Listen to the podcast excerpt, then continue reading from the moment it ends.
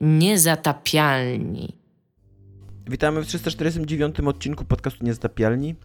E, Ja nazywam się Tomasz Pstrągowski. Są ze mną również Iga Ewa Smoleńska reprezentująca tylko i wyłącznie własną opinię.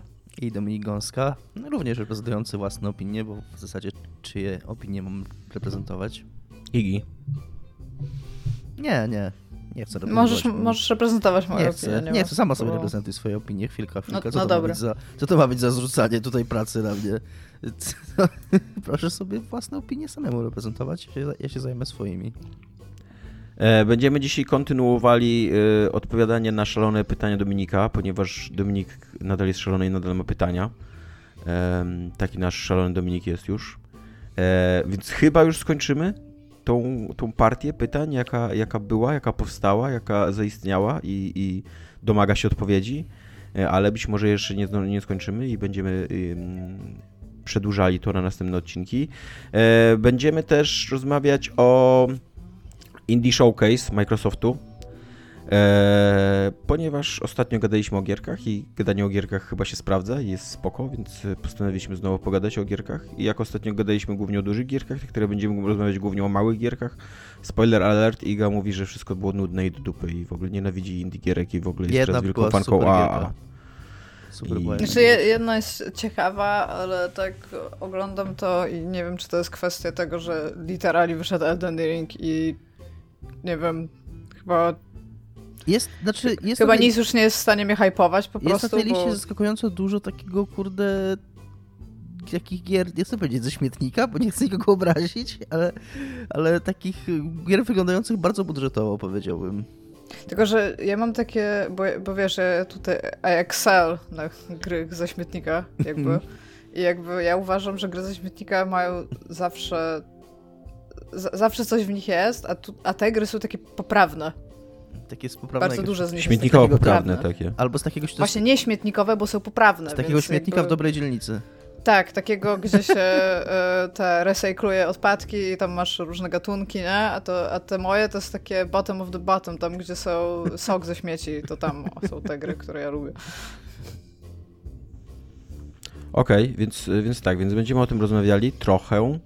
Em, i, I co? A i jeszcze będziemy rozmawiać być może o. Jezus Maria, co tu się wydarzyło? Włączyły mi się jakieś rzeczy na przeglądarce. Zostałeś zhakowany w ogóle. Tak, zostałem Ło, zhakowany. ło, ło.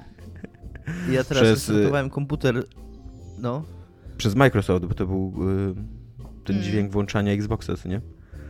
Ja przez, przed nagraniem miałem jakieś problemy techniczne, więc restartowałem komputer i kurna, nienawidzę w Macach tego, że jak je restartujesz, to one po uruchomieniu komputera włączają ci wszystko, co miałeś włączone wcześniej, e, przed restartem. Jakby jak restartuję komputer, to po to, żeby on ci zrestartował i żeby było wszystko od nowa, nie? Żeby Ja to bardzo lubię, jeszcze- ponieważ jak ci się komputer sam zrestartuje, bo coś się zawiesi, to później się wszystko odpala ładnie. Tak, ale to tam się nie zdarza praktycznie. A... Wygląda to trochę jak edge case, który mogliby uznać jako, że jeżeli ci się sam zrestartuje komputer, to najprawdopodobniej chcesz mieć wszystko odpalone, a jeżeli sam go restartujesz, to może się ciebie zapytać?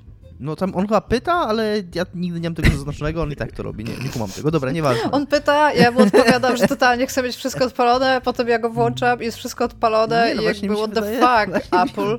Mi się wydaje, że nie mam tego zaznaczonego, że po prostu bym tego nie robił, no. Taki w ogóle taki, taki emurger będziesz. Coś. Dlaczego robisz wszystko, o co cię proszę? Jakby coś. nie mogę, nie mogę z tobą być, nie mogę kontynuować tego związku, musisz mi czasem zaskakiwać, w ogóle przydusić, Jak- zrobić coś wbrew mojej woli. Jak e, ostatnio chyba w Loop Hero grałem, to tam jest taki jeden super e, pop-up i jest napisane Are you sure you want to cancel? I masz cancel i okej. I tak siedzisz i hmm, No to tak samo jak był ten pop-up, co mi się tak super podobał, nie pamiętam teraz treści, więc nieważne, ale Metal Gear Solid 4 miał też coś takiego, że tam, czy chcesz porzucić, do you want to tam cancel changes i było OK cancel. no i tak się, siedzisz i tam Jesus Christ, nie? Jeszcze UI, UI, UX team na, do więzienia po prostu. PKP jeszcze ma takie super mylące komunikaty, co nie? PKP zostało zhakowane, po czym się okazało, że po prostu mieli błąd w systemie przez ostatnie dwa dni i są takie opóźnienia i tak mi się podoba, bo akurat oglądałam wiadomości jedząc śniadanie i tam było, że atak cyberhakerów, kurde, na PKP, pociągi opóźnione, następnego dnia rano. Nie było haku, to nasza wina, przepraszamy, że oskarżyliśmy innych ludzi. Tak, tak, W ogóle- Wszystkich anonimowych hakerów przepraszamy. W ogóle Tak. cyberhakerów, nie po prostu hakerów. Tam. No, coś takiego było. To nie pamiętam tej wiadomościowej, wiesz, to nowomowy, która funkcjonuje, ale tak właśnie siedziałam i jakbym była hakerem, to mnie hakowała PKP. Just saying. Jakby Dobra. już i- mają i- dostatecznie dużo problemów. Mm, No, tak, y, to- jest prawda, że znaczy tak poza takimi strategicznymi takimi ym, y, powodami, co nie, w stylu Mhm. zrujnowanie, nie wiem, transportu w Polsce, to tak PKP wydaje się najgorszym celem do hakowania. Jakby, To jest takie kopanie leżącego. jakby, Jakby, i, tak, I tak już ledwo działacie, co nie? Tam, No. albo, albo w zasadzie w ogóle. Co to już no, jakieś prawda. lot, grupę Lotus na przykład. Okej, mogą teraz hakować, tak, Iga nie ma dzisiaj co wydaje. jest grane, ponieważ gra w Elder Ring, a o Elder Ring już się nasłuchaliśmy. Dominik ma dzisiaj Assassina, a o Assassinie też już się nasłuchaliśmy, więc Dominik nie będzie y, pierwszy co jest grane. Dominik będzie zamykał swoim co jest grane ten odcinek, żebyście mogli bym- się wyłączyć po prostu, tak jak ja się wyłączę Wow. wtedy. Ja Bo- myślała, żeby Tomek mówił moje, co jest grane, Nie żeby dość- powiedział dość, o że- jakiejś losowej rzeczy, w którą nie graliśmy we dwójkę. Ja bym chciał w ogóle było- powiedzieć tak, że nie też że Dominik będzie mówił o Assassinie, to jeszcze Dominik będzie mówił o tym samym Assassinie po raz kurde który? Dziesiąty? bo, Mogę bo ten nie mówić, Assassin no się nie Jesus, kończy. no obrażam się.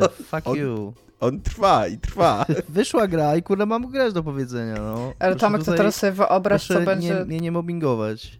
jak będzie ten asasyn.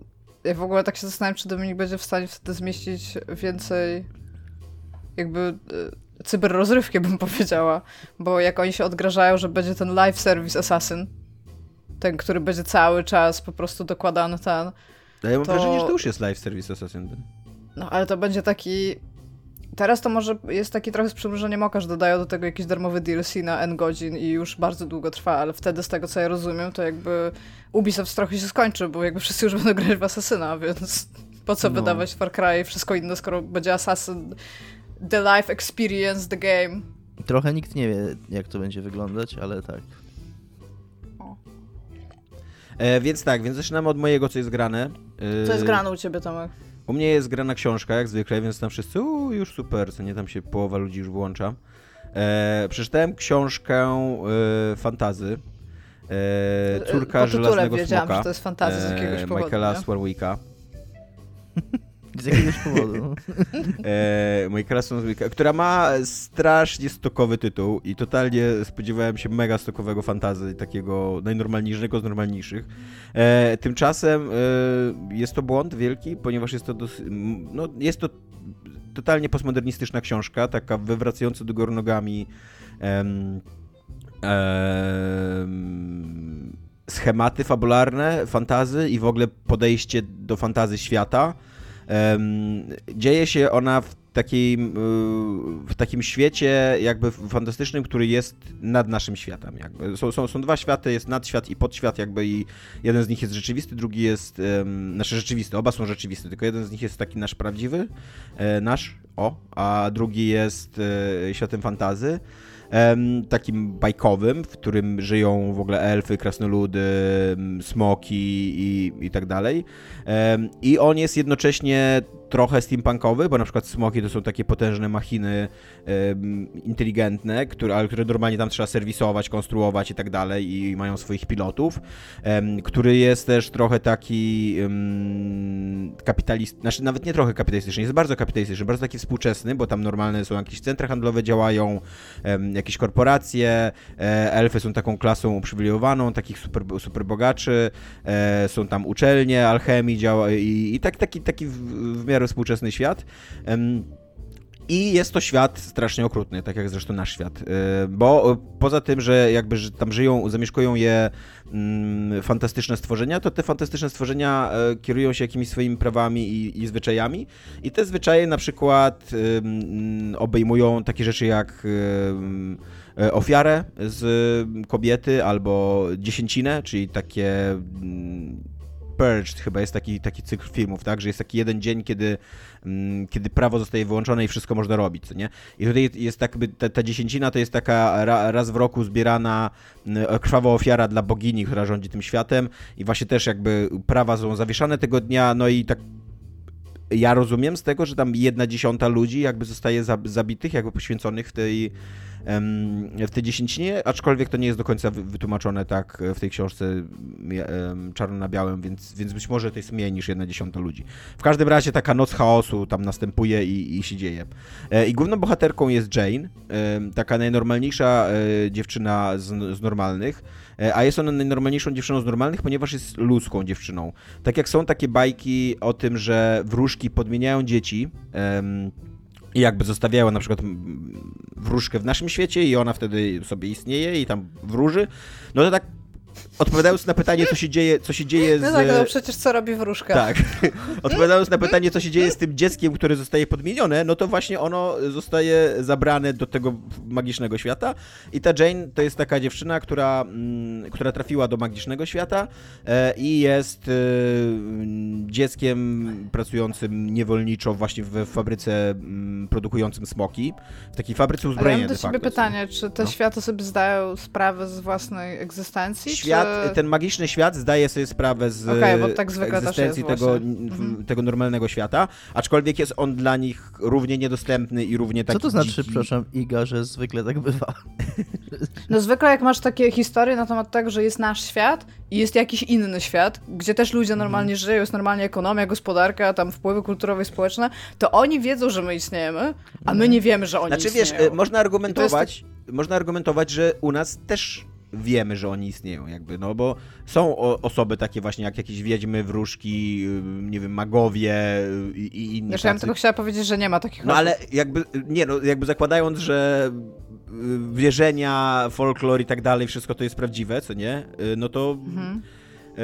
Y, to są ludzie, którzy w to wierzą i można by powiedzieć, że oni posiadają szerszą wiedzę, w takim razie jakby prawdziwszą wiedzę o świecie, co nie?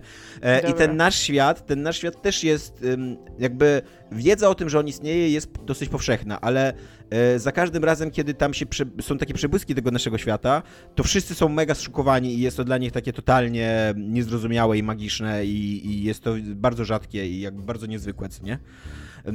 No i jakby no ta, y, y, jakby niezwykłość tej Jane jako, jako człowieka polega na tym, że ona nie ma swojego prawdziwego imienia, bo tylko jakby każde magiczne stworzenie, każde w ogóle stworzenie w tym drugim świecie ma swoje właściwe, pra, prawdziwe imię, które y, z jednej strony jakby pozwala odkryć się przed drugim człowiekiem, jakby nawiązać z nim jakąś taką, nie wiem, pełną relację, takie y, zaufać mu No, całkowicie. takie myślenie magiczne, w którym Tak. twoje imię jest Tak, dokładnie dokładnie. A z drugiej no. strony dokładnie daje kontrolę temu drugiemu człowiekowi, co nie?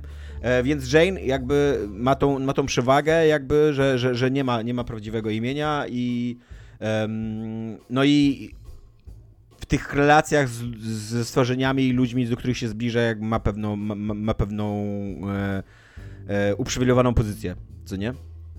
I jest to dosyć fascynująca powieść, która rozgrywa się tak e, przez połowę życia Jane, bo mm, ona e, tak do mniej więcej wczesnej 30, późnych, późnych, późnych lat 20. jej, jej życia to się, to, to się dzieje.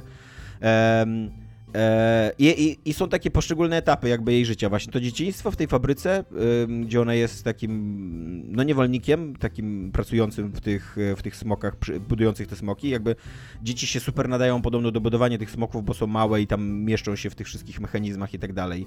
E, ale jest to praca super niebezpieczna i, i, i super wyzysk to jest i, no i ona jakby ze, wszelki, ze wszelką cenę próbuje uciec z tej fabryki.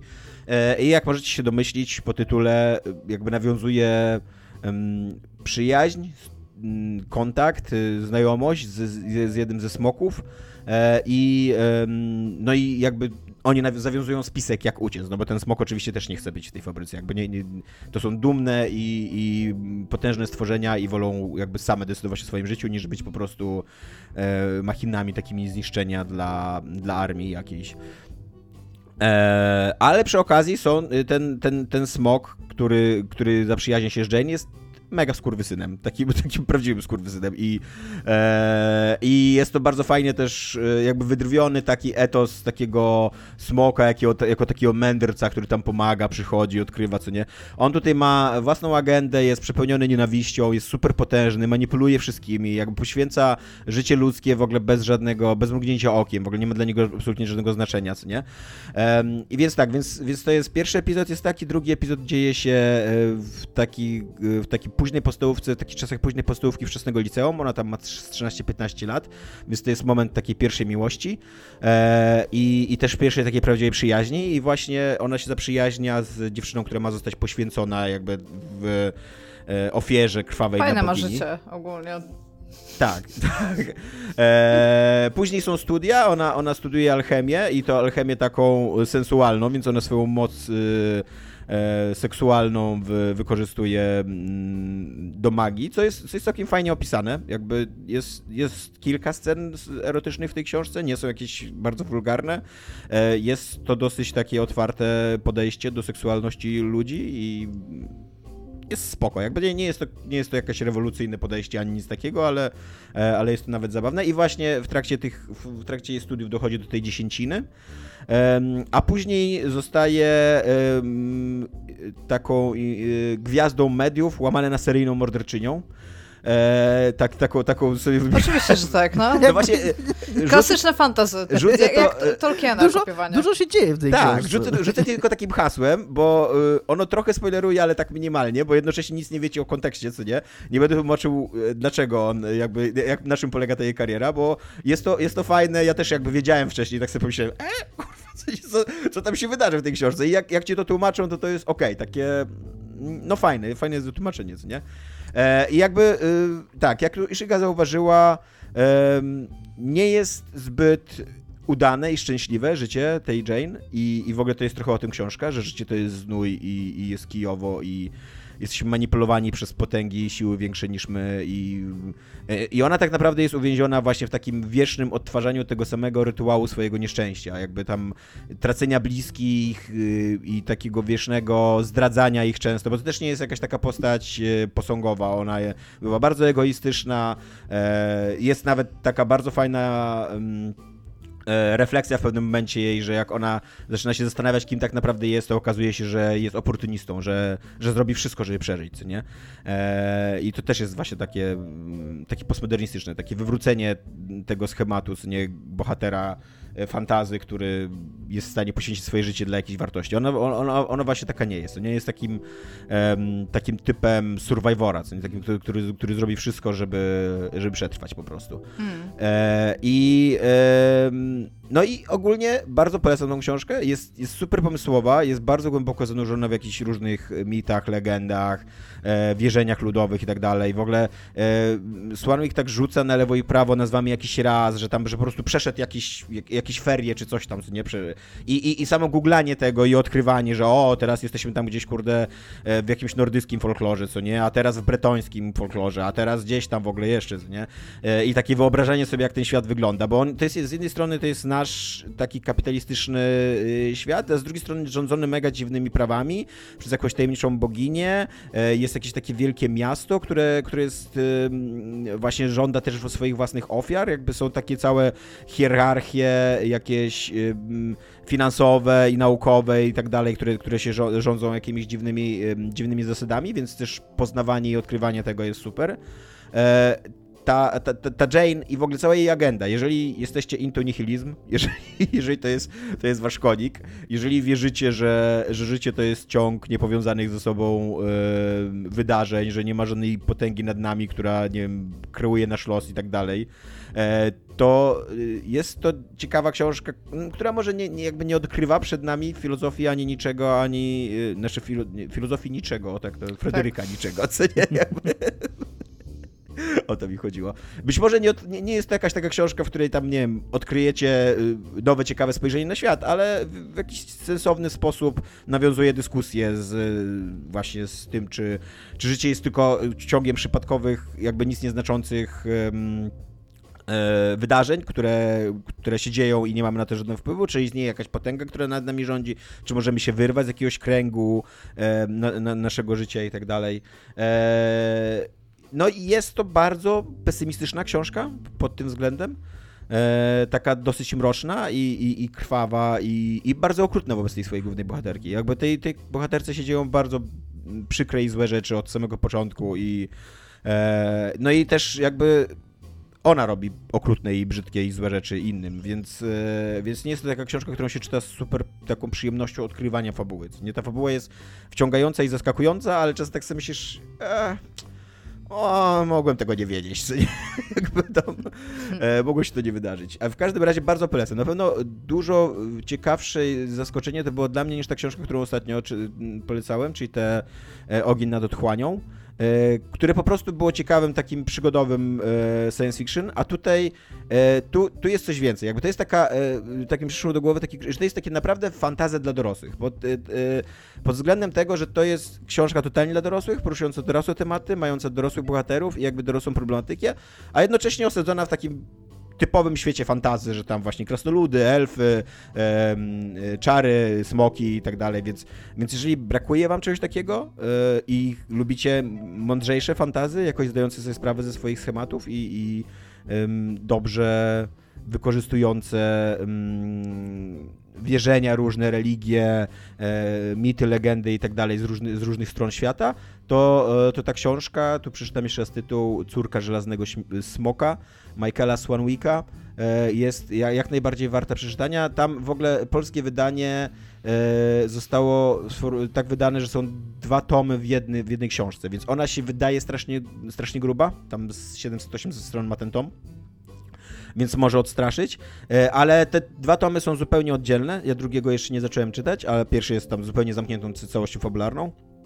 E, I ten pierwszy tom to jest tam z 430 stron tylko, więc nie jakoś super krótka, ale też nie chyba przerażająco długa, co nie? Eee, więc tak. A drugi tom się nazywa Smoky Bubble. E, no ale mówię, jeszcze, jeszcze jest, jeszcze jest, e, żeby bardziej skomplikować życie wszystkim, to jeszcze jest osobno wydany trzeci tom, który powstał, powstał chyba tam kilk, wiele lat później jakby, więc, więc dlatego jakby został wydany osobno. Więc to jest grane u mnie.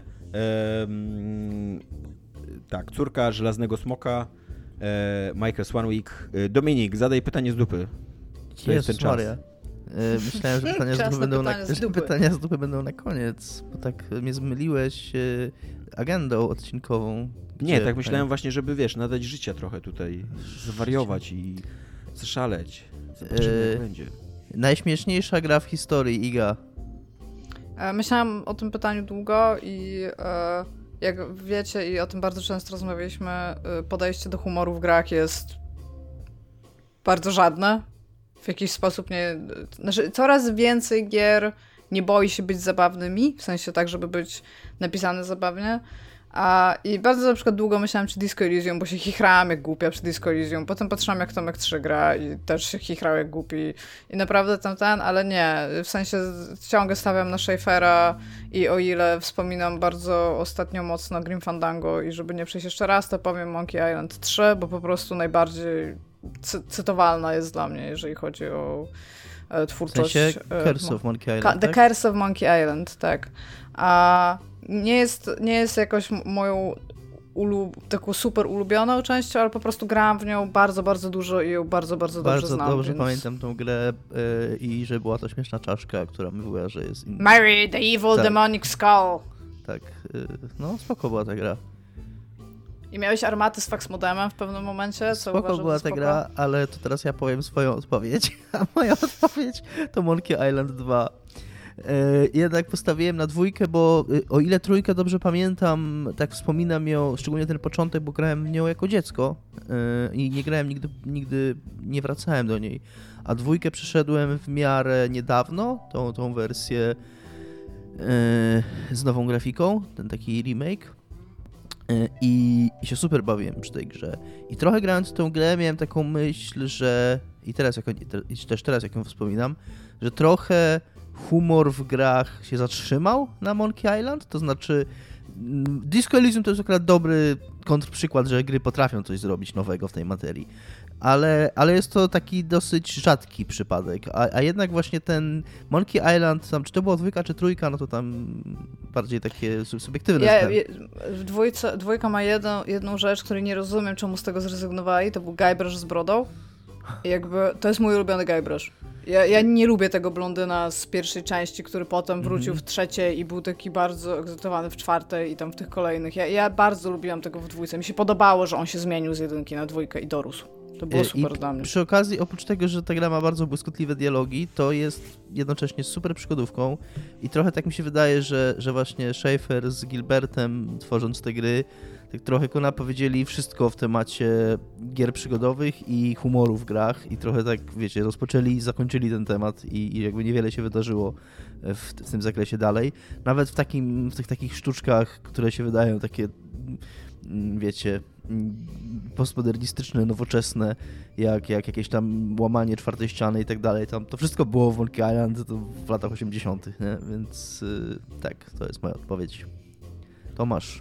E, moja odpowiedź jest inna, ponieważ ja y, słabo pamiętam Monkey Island. Y, więc, e, a też bardzo, bardzo nie chciałem, żeby to była właśnie jakaś gra Schaeffera. bo, e, Byłoby śmiesznie, jakbyś powiedział Monkey Island 1. E, nie, nie, moją, moją, moją odpowiedzią jest Invisigun, ym, czyli ta śmieszna giereszka, którą polecałem chyba z rok temu mocno.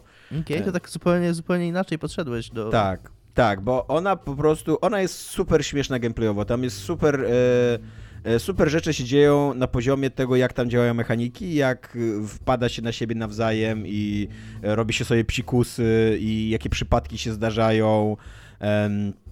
I autentycznie jak w nią grałem, to autentycznie się popłakałem ze śmiechu, jak, jak z przyjaciółmi tam graliśmy i goniliśmy się i nie wiedzieliśmy, gdzie jesteśmy i e, bawiliśmy się w chowanego, a później ktoś wsiadł na piłkę i uciekał przez całą planszę po tej piłce tak, i tak. ludzie się, Też, próbując go upolować, zabijali się przez przypadek i tak dalej. Wiesz, to jest, to jest taki trochę humor właśnie, bo tak, bo Komedia właśnie... omyłek Szekspira, nie? Taki... Słucham?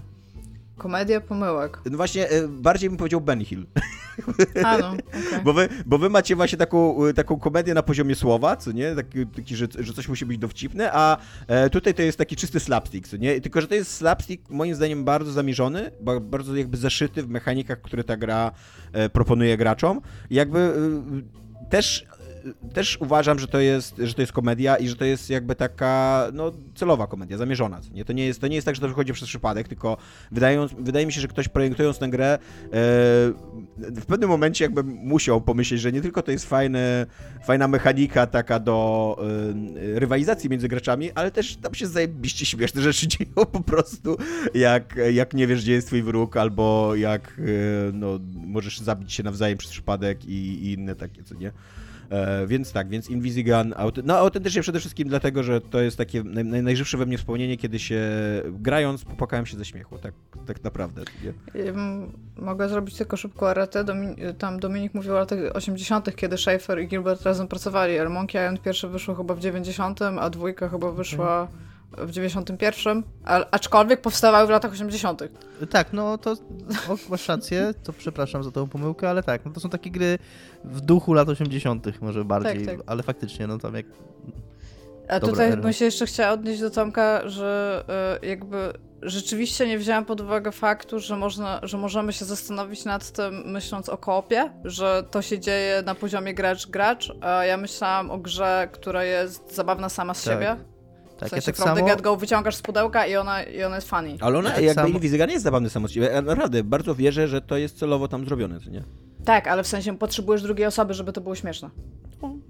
Że to się dzieje na dynamice ty, druga osoba, nie? A nie W takim ten- też nurcie grą jest y, Overcooked, którą graliśmy i też było bardzo zabawnie. Overcooked jest zabawna, ale jednocześnie jest też straszną trochę grą. Tak, to prawda. Jak, jak e, e, szef kuchni za bardzo wejdzie w rolę. To prawda.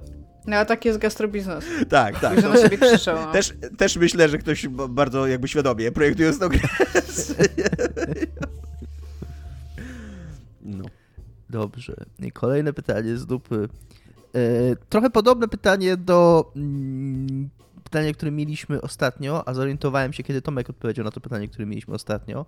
Ostatnio mieliśmy pytanie e, najbardziej przereklamowana gra uznawana za klasykę. E, tam zadając to pytanie myślałem raczej o takiej klasyce naprawdę z lat 80., czy tam początku lat 90. na przykład. A moje dzisiejsze pytanie to najgorsza gra roku w historii. E, I ja zacznę, ponieważ ujawnię w ten sposób, o co mi chodzi, bo ponieważ moja odpowiedź na to pytanie to Metal Gear Solid 4, którą, którą to grę Tomek. Wy jakoś s- sracie na czwartą część Metal Gear Solid. Bo, bo- Czwarta część Metal Gear Solid jest kijowa. To jest jakby- naprawdę zła gra. Tak. To jest naprawdę zła gra. Yy, I, I to, jak ona jest wysoko oceniana, to, to że w ogóle Tomek wczoraj przypom- w ostatnim odcinku przypomniał, że ona tam ma jakieś 90 kurna 5 na Metacriticu, czy jakiś taki ten. Tak, ja sprawdzałam, po- miała To- powyżej 90, no. Mm, Ja w tamtych czasach, jak w nią grałem, to byłem świeżo, pod, w miarę świeżo po trójce, bo, bo ja kupiłem dosyć późno, tak jak wielokrotnie mówiłem, PlayStation 2, tak właściwie na, koń, na końcu generacji, kiedy już Xbox 360 wchodził. Więc byłem w miarę świeżo po dwójce, trójce i byłem taki naprawdę wkręcony w te Metal Geary i, i taki dosyć zafascynowany nimi i kurde, ta czwórka mnie tak wymęczyła i, i naprawdę, no nie powiem tu nic więcej, co Tomek mówił, bo, bo, bo jakby niewiele jest tu do dodania. Y, Ja lubię cutscenki w grach. y, Dobrze zrobione cutscenki, jeżeli fabuła jest intrygująca, nie są dla mnie problemem.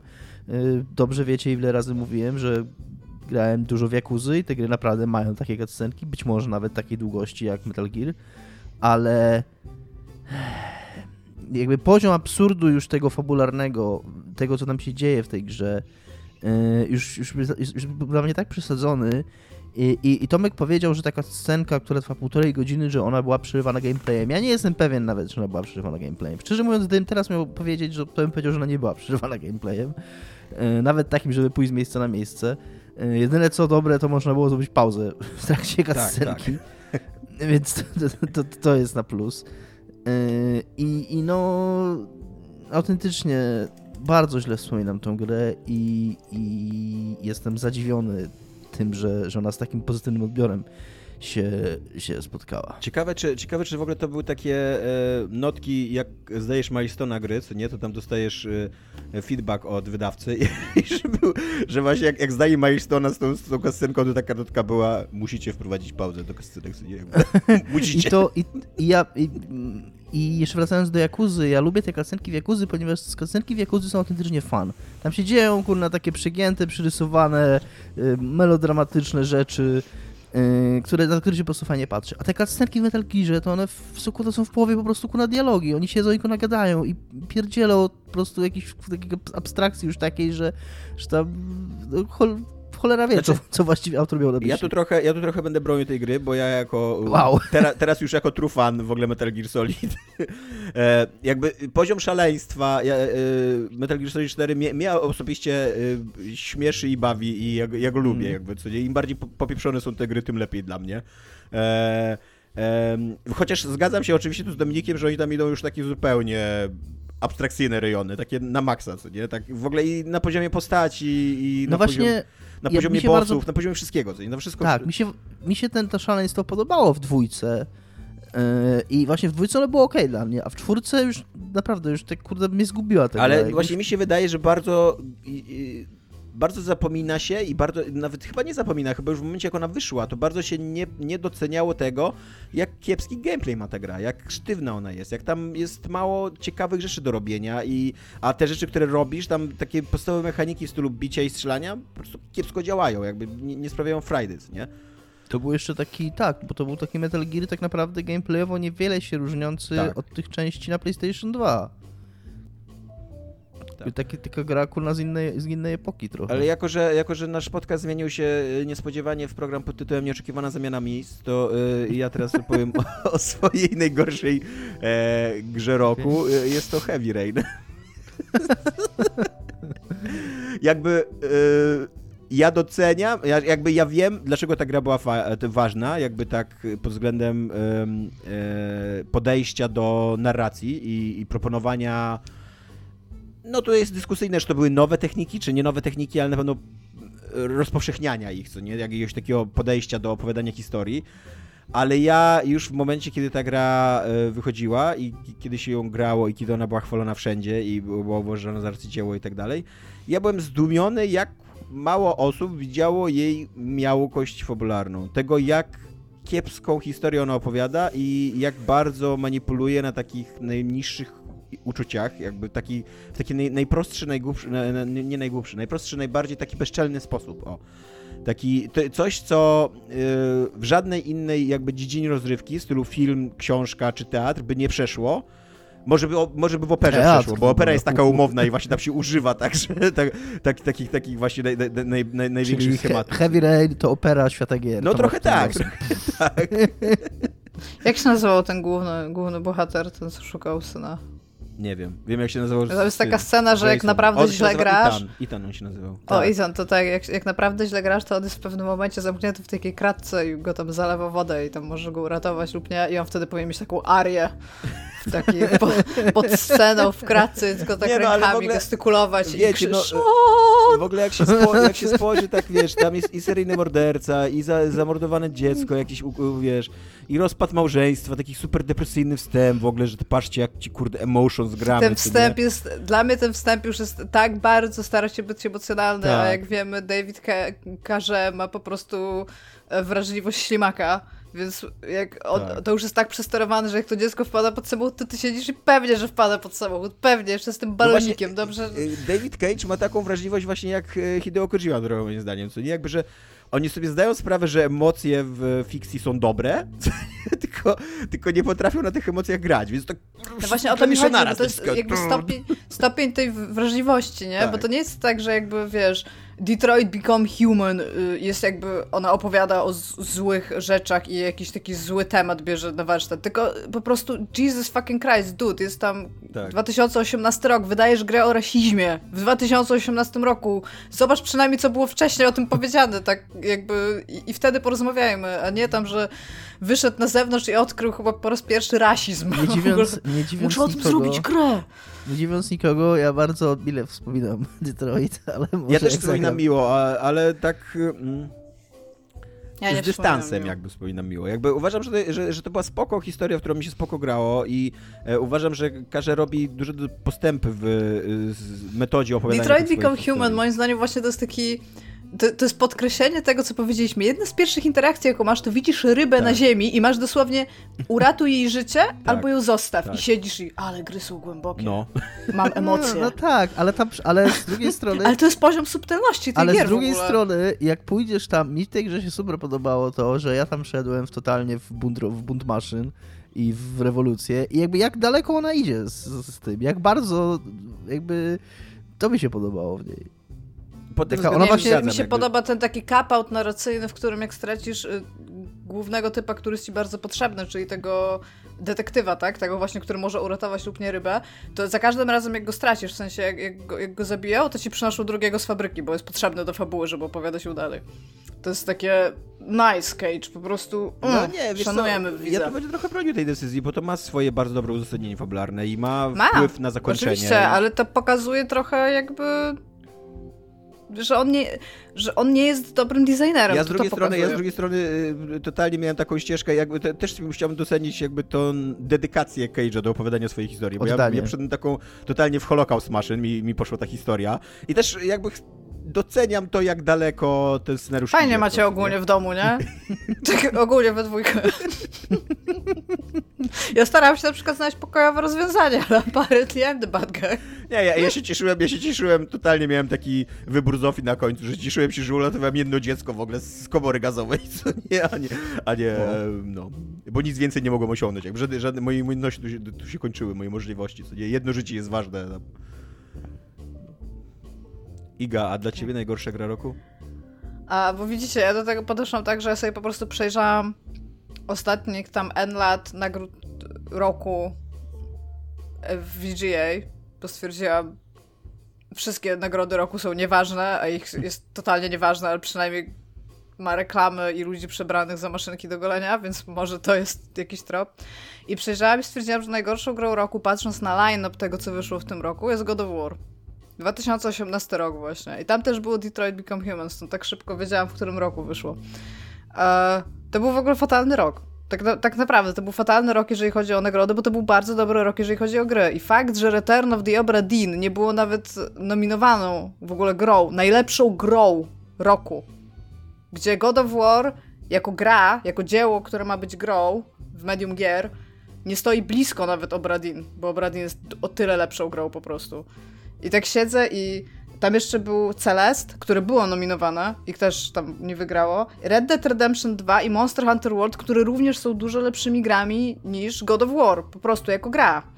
I jakby to pokazuje wszystko, co jest najgorsze, kurde, w nagrodach i klapaniu się po plecach i po tyłkach po prostu w tej branży. Dziękuję. Ja trochę chciałem powiedzieć, wybrać God of War, jak yy, odpowiadałem sam na to pytanie, bo, bo ja bardzo nie lubię tej gry. Ale ty nie grałeś w God of War. Ale w nią nie grałem, więc stwierdziłem, że to byłoby to trochę nieuczciwe jednak. Ja, tro, ja dużo przeszłam tego God of War, nie przyszłam do końca. Lubiłam wszystkie wcześniejsze God of War.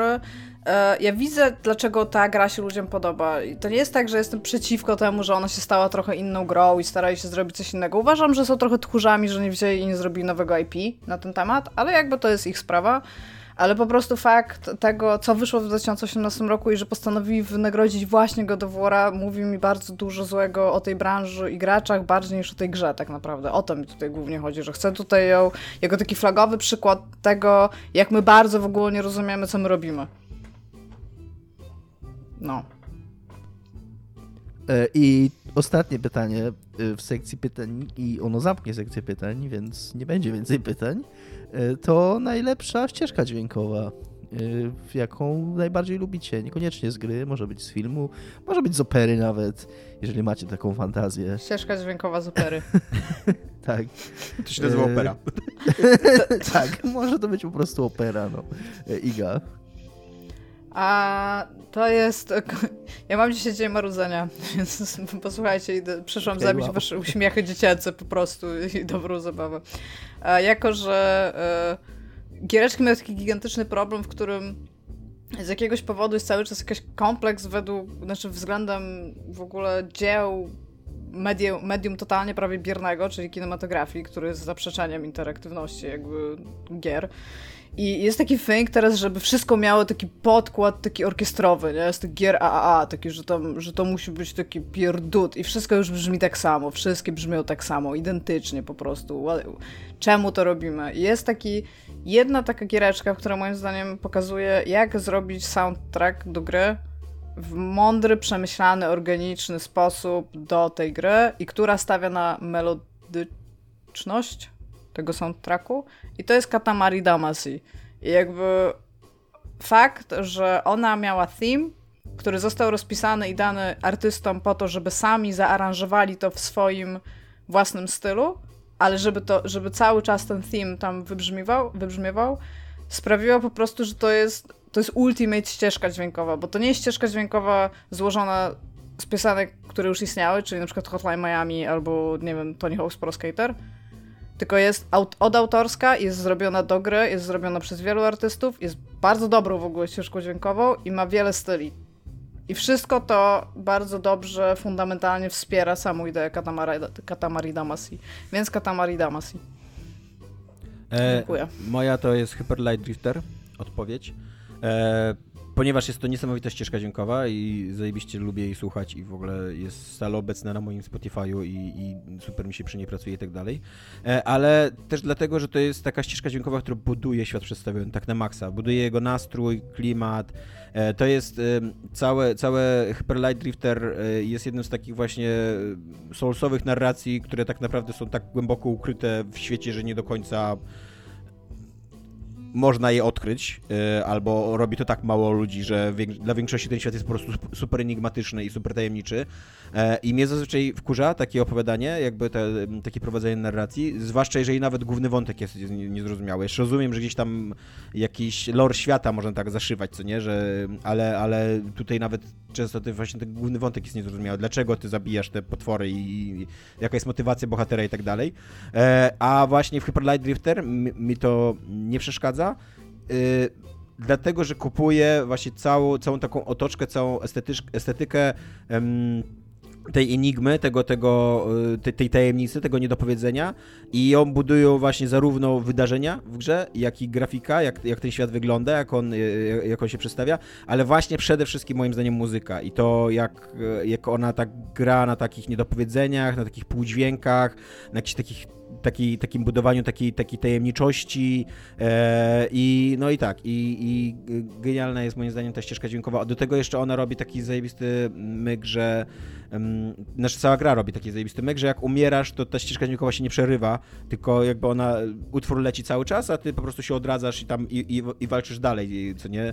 E, I to sprawia, że to całe takie właśnie solsowe podejście do tego ciągłego umierania i odradzania się i, i wiecznego jakby tam ścierania się i próbowania swoich sił, że nabiera takiego fatalistycznego bardzo, takiej, takiej, takiej ciągłości fatalistycznej, że to, że to trwa i trwa i ta muzyka po prostu leci i to się nie kończy i ty cały czas musisz walczyć, cały czas musisz przegrywać, aż w końcu wygrasz i, i, po prostu idziesz dalej, co nie?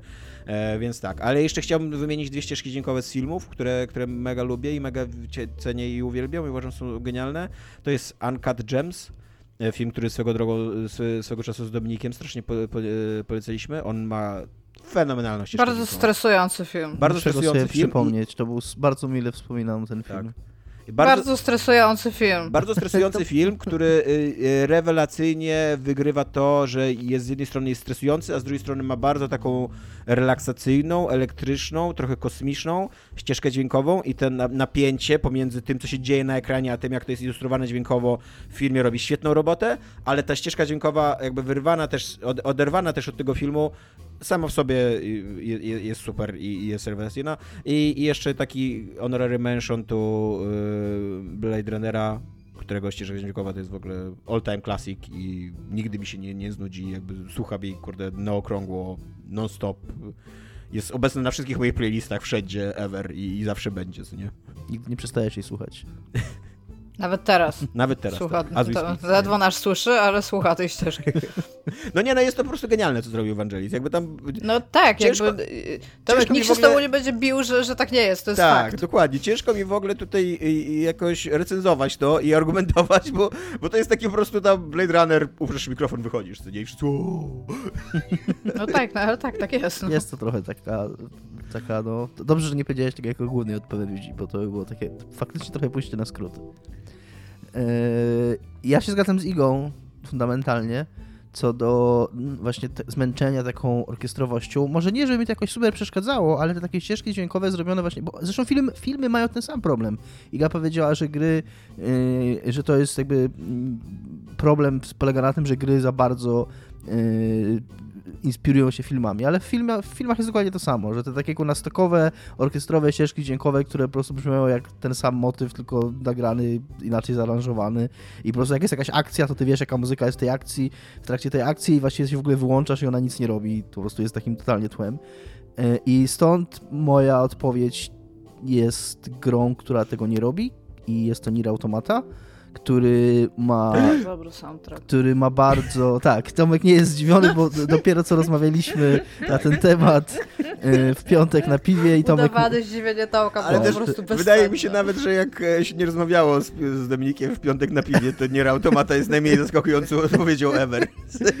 tak, i uważam, że i to jest ścieżka wybitnie napisana do tej gry, i to jest ścieżka, która y, bardzo mocno koresponduje z tym, co się dzieje w tej grze.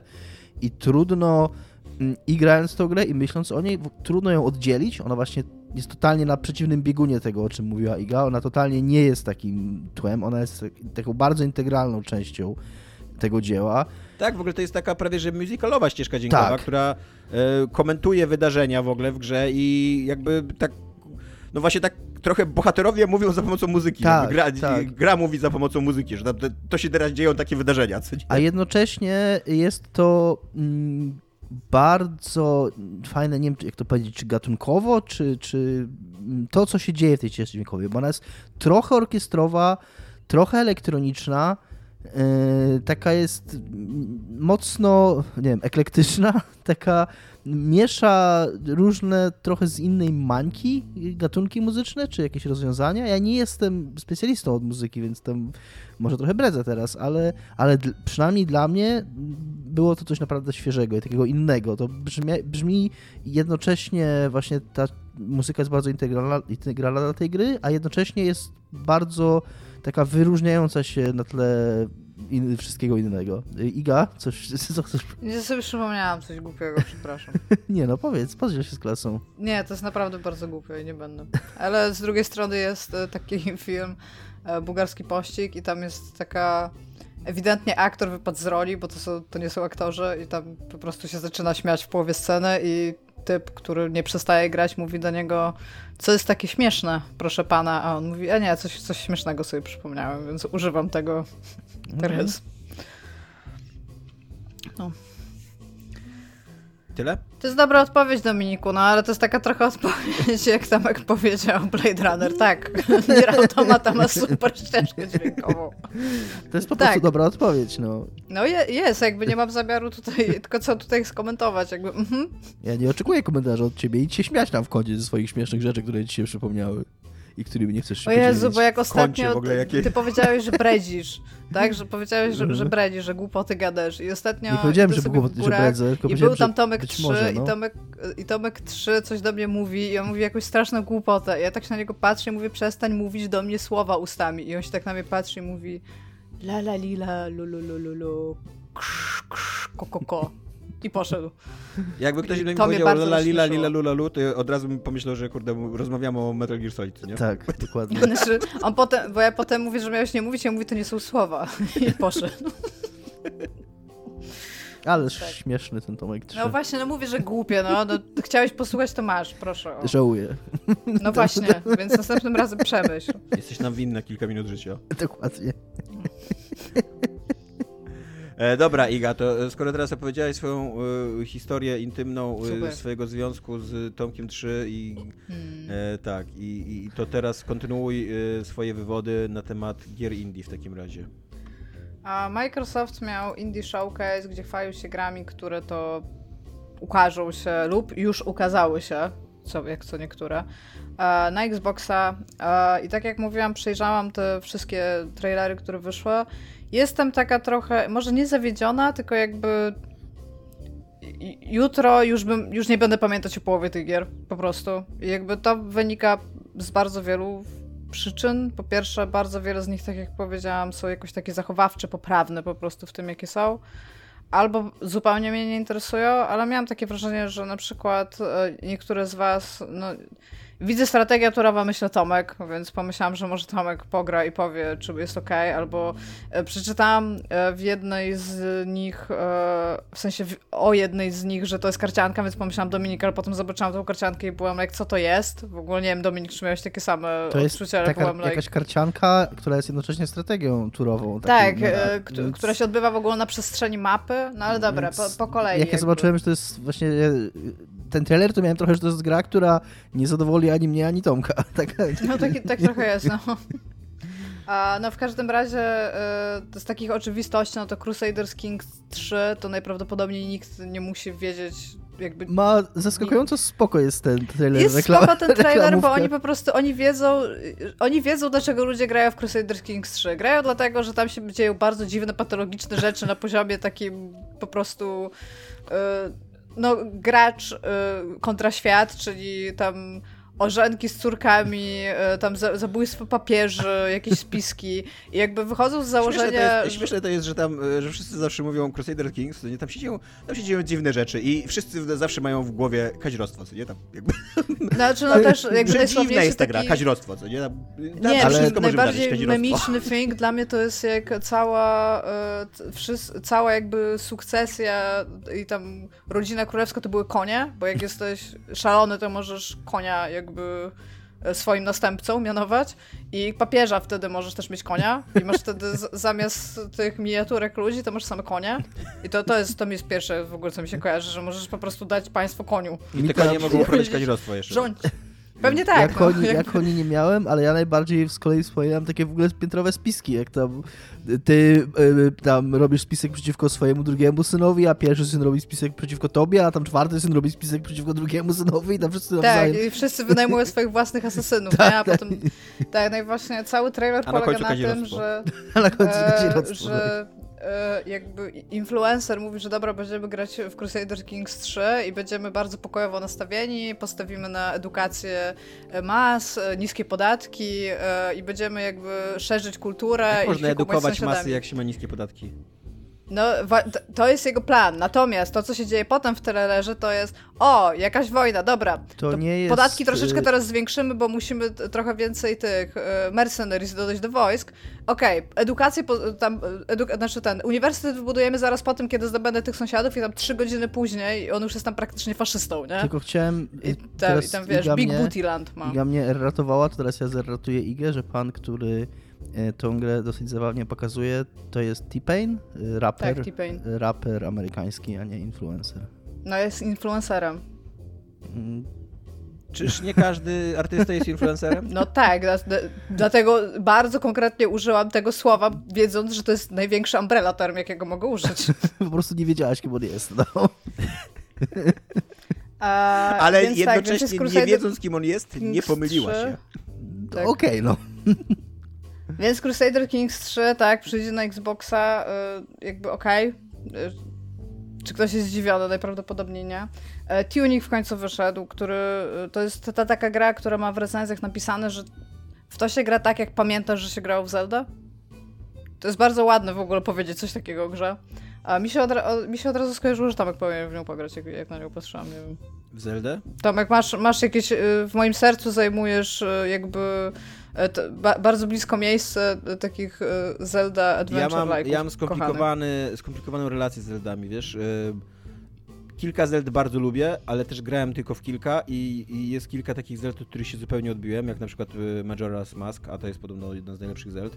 Albo... Bardzo duży kult on following ma Majora's Mask. Tak, albo ta najsłynniejsza, Ocarina of Time. Jakby uważam, że dzisiaj się bardzo ciężko z to gra i nie dałem rady nigdy dłużej niż tam godzinkę czy dwie. E, a jednocześnie Breath of the Wild, które nie jest klasyczną Zeldą, jest jakby totalnie No nowoczesną, współczesną Zeldą, e, no to to jest moja ulubiona Zelda, co nie? Więc nie wiem, czy taka właśnie super klasyczna Zelda to jest coś dla mnie, co... Znaczy, wiesz co, ten tuning wygląda jak on by miał te jakby nowe quality of life rzeczy wprowadzone jakby do, do Mhm. A z kolei, designu. wiesz co, z kolei czego mi brakuje, to tego, że w mm, tych takich mm, Zelda Metroidvaniach, które ja lubię, to zazwyczaj walka jest jakimś wyzwaniem, jakieś, jakieś taki skillowe podejście i, i, to jest No fajne. tutaj nie wiem, czy widziałeś ten trailer. Tak, tutaj jak, jak najbardziej tak wygląda. Jest jakiś tam krokodyl, który Jest, biega y- dookoła i wybucha i ty musisz go atakować Jest- raz, a potem unikać. Y, totalnie piszą, że to jest y, Zelda plus Souls. Co jest z jednej strony, kurna, najbardziej takim nic nie mówiącym w obecnych Nic, czasach to nic nie mówi, no. porównaniem, ponieważ wszystkie gry są Zeldą lub Soulsami w dzisiejszych czasach, ale jest to coś, co się nie pisze. No. Tak, wygląda, na samym trailerze widać, że ta walka nie jest taka jeden, wiesz, jak w Soulsy nie Warhammerze. mają skillowego podejścia do walki. Soulsy mają skillowe podejście do turlania się. Mm, zależy od builda. Tak swoją drogą, tak mnie super już męczył rozmowa o buildach. O mój Boże, to jest na najgorsze, co jest. Anyway. Eee, Sam Barlow się wychylił i, zrobił i robi kolejną grę o oglądaniu rzeczy, na które się klika i tylko, że teraz się klika w więcej miejsc, aczkolwiek po tym, to kiedy wygląda. Her Story... Jest to dosyć intrygujący Aczkolwiek pomysł. Ja ma- po tym, kiedy Her Story była bardzo w porządku grą, a zrobił trzy kroki wstecz przy jak się Telling Lies, trochę w tą grę nie wierzę. Gra ma To tytuł Immortality dziękuję. An Interactive Movie Tri- Trilogy. Tak. I wygląda jak bardzo takie, e, znaczy tam są całe sekwencje takie retro wideo, mm, ze specjalnie zubożonym, y, uretrowionym Tak. y, obrazem wideo, żeby przypominał stare filmy i stare produkcje filmowe. E, I tak pod względem, na, na, na poziomie estetycznym to wyglądało ciekawie. Jakby to są takie gry moim zdaniem, które ciężko sprzedać w trailerach, bo nie do końca, jakby to są takie gry bardzo oparte na gameplay, przynajmniej ta Her Story, bo w to drugie nie Tak. Telling Lies właśnie Telling Lies nie już grałem, miało dużo, dużo nie? mniej gameplayu Tak. niż Her Story, niestety. Więc, y, ale, ale jakby tak na poziomie właśnie obrazów, które się pojawiają na ekranie, to mnie zainteresował ten. e, Jest też intrygujący koncept, intrygujący koncept jest tej gry, bo zamiast, y, bo w zasadzie, i tak jak mówię, się zgadzam z jego chyba oboje hejterzymy Telling Lies, że Telling Lies to było takie trochę hair story, tylko gorsze, Y, Mhm. no to tutaj jakby jest trochę inny pomysł na tę grę, tak? Czy ty nie oglądasz jakichś tam rozmów pomiędzy ludźmi, tylko oglądasz fikcyjne, stare filmy, fragmenty. Tak, i szukasz, co się stało, co się stało z która aktorką, zaginęła, tak, oraz tak, z tak. filmami, które też zaginęły, w sensie, tak. które Więc jest to, jest to jakoś tam też ciekawe, bo to też daje duże pole do... Ale to jest założenie fabularne, a jeżeli e, tam, tam mówię, gameplayowo było pokazane, że na przykład możesz e, zbliżać niektóre fragmenty oglądanego footage i one wtedy się zblendują w inny footage, który możesz oglądać i tam okej, aczkolwiek ja po prostu to jest taki trochę make it or break it dla sama Barru dla mnie, bo zrobił jedną fajną grę, to, to było Ja Herstory, zrobił jedną bardzo średnią grę, to było Telling Lies i teraz jakby on, cały czas funkcjonuje w tej, w tej samej formie jakby tych gier, Mhm. tylko niech on teraz to zrobi bardzo dobrze, żeby on mi pokazał, że Herstory to nie był pomyłka. Ja się trochę zastanawiam, czy to. Mm, bo on tam klikał faktycznie w twarz tej aktorki, taki był wtedy takie przejście i do innego filmu, czy to jest. Czy to jest reprezentacja jeden do jednego tego, co się będzie robić w tej grze? Nie jestem trochę pewien tego, bo Może to może nie, być nie. jednocześnie po prostu zabieg w samym trailerze, a to wciśnięcie na twarz będzie powodować coś innego, nie? A te takie przejścia były po prostu, żeby pokazać w trailerze, że tam różne filmy są, nie? Więc E, no zobaczymy. Iga, a, Ale jest, jestem tutaj zaintrygowany. a on jeszcze zrobił w ogóle w międzyczasie to Wargames, hashtag Wargames, y, które wszyscy trochę przegapili. E, Ale weź mi, Iga, powiedz, a czy te No. Silent Hill, przy, których on tam był lead designerem i, i w ogóle ważną figurą, y, czy to są dobre y, Silent Hilli? Bo on zrobił Silent nie Hill wiem, Origins i Silent Hill bo- Shattered Memories. Origins jest bardzo takim sobie Silent Hillem. W sensie to jest taki jeden z najmniej subtelnych Silent Hill, e, gdzie starali się trochę zrewolucjonizować gameplay, przez co na przykład możesz ze sobą nosić bardzo dużo różnych broni, na przykład szafkę na takie akta, możesz po prostu ze sobą nosić.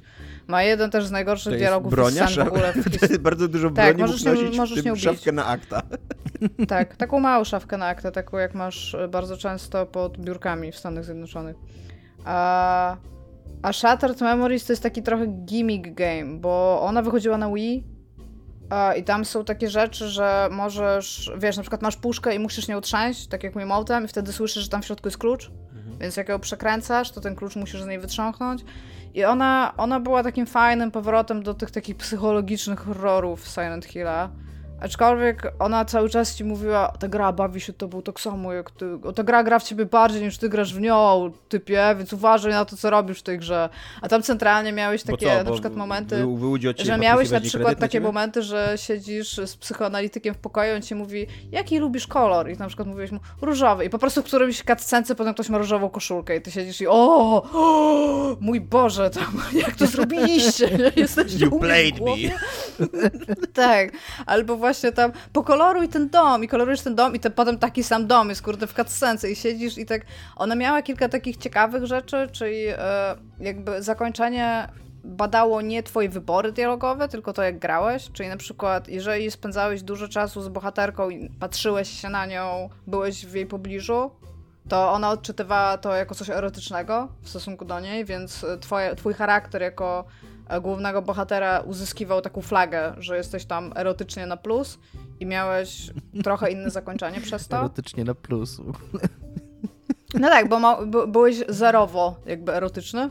Nie, nie, mia, nie miałeś w ogóle takiej cechy i wtedy to ci dawało flagę, że tak. Story of my Więc life. ona była trochę ciekawa.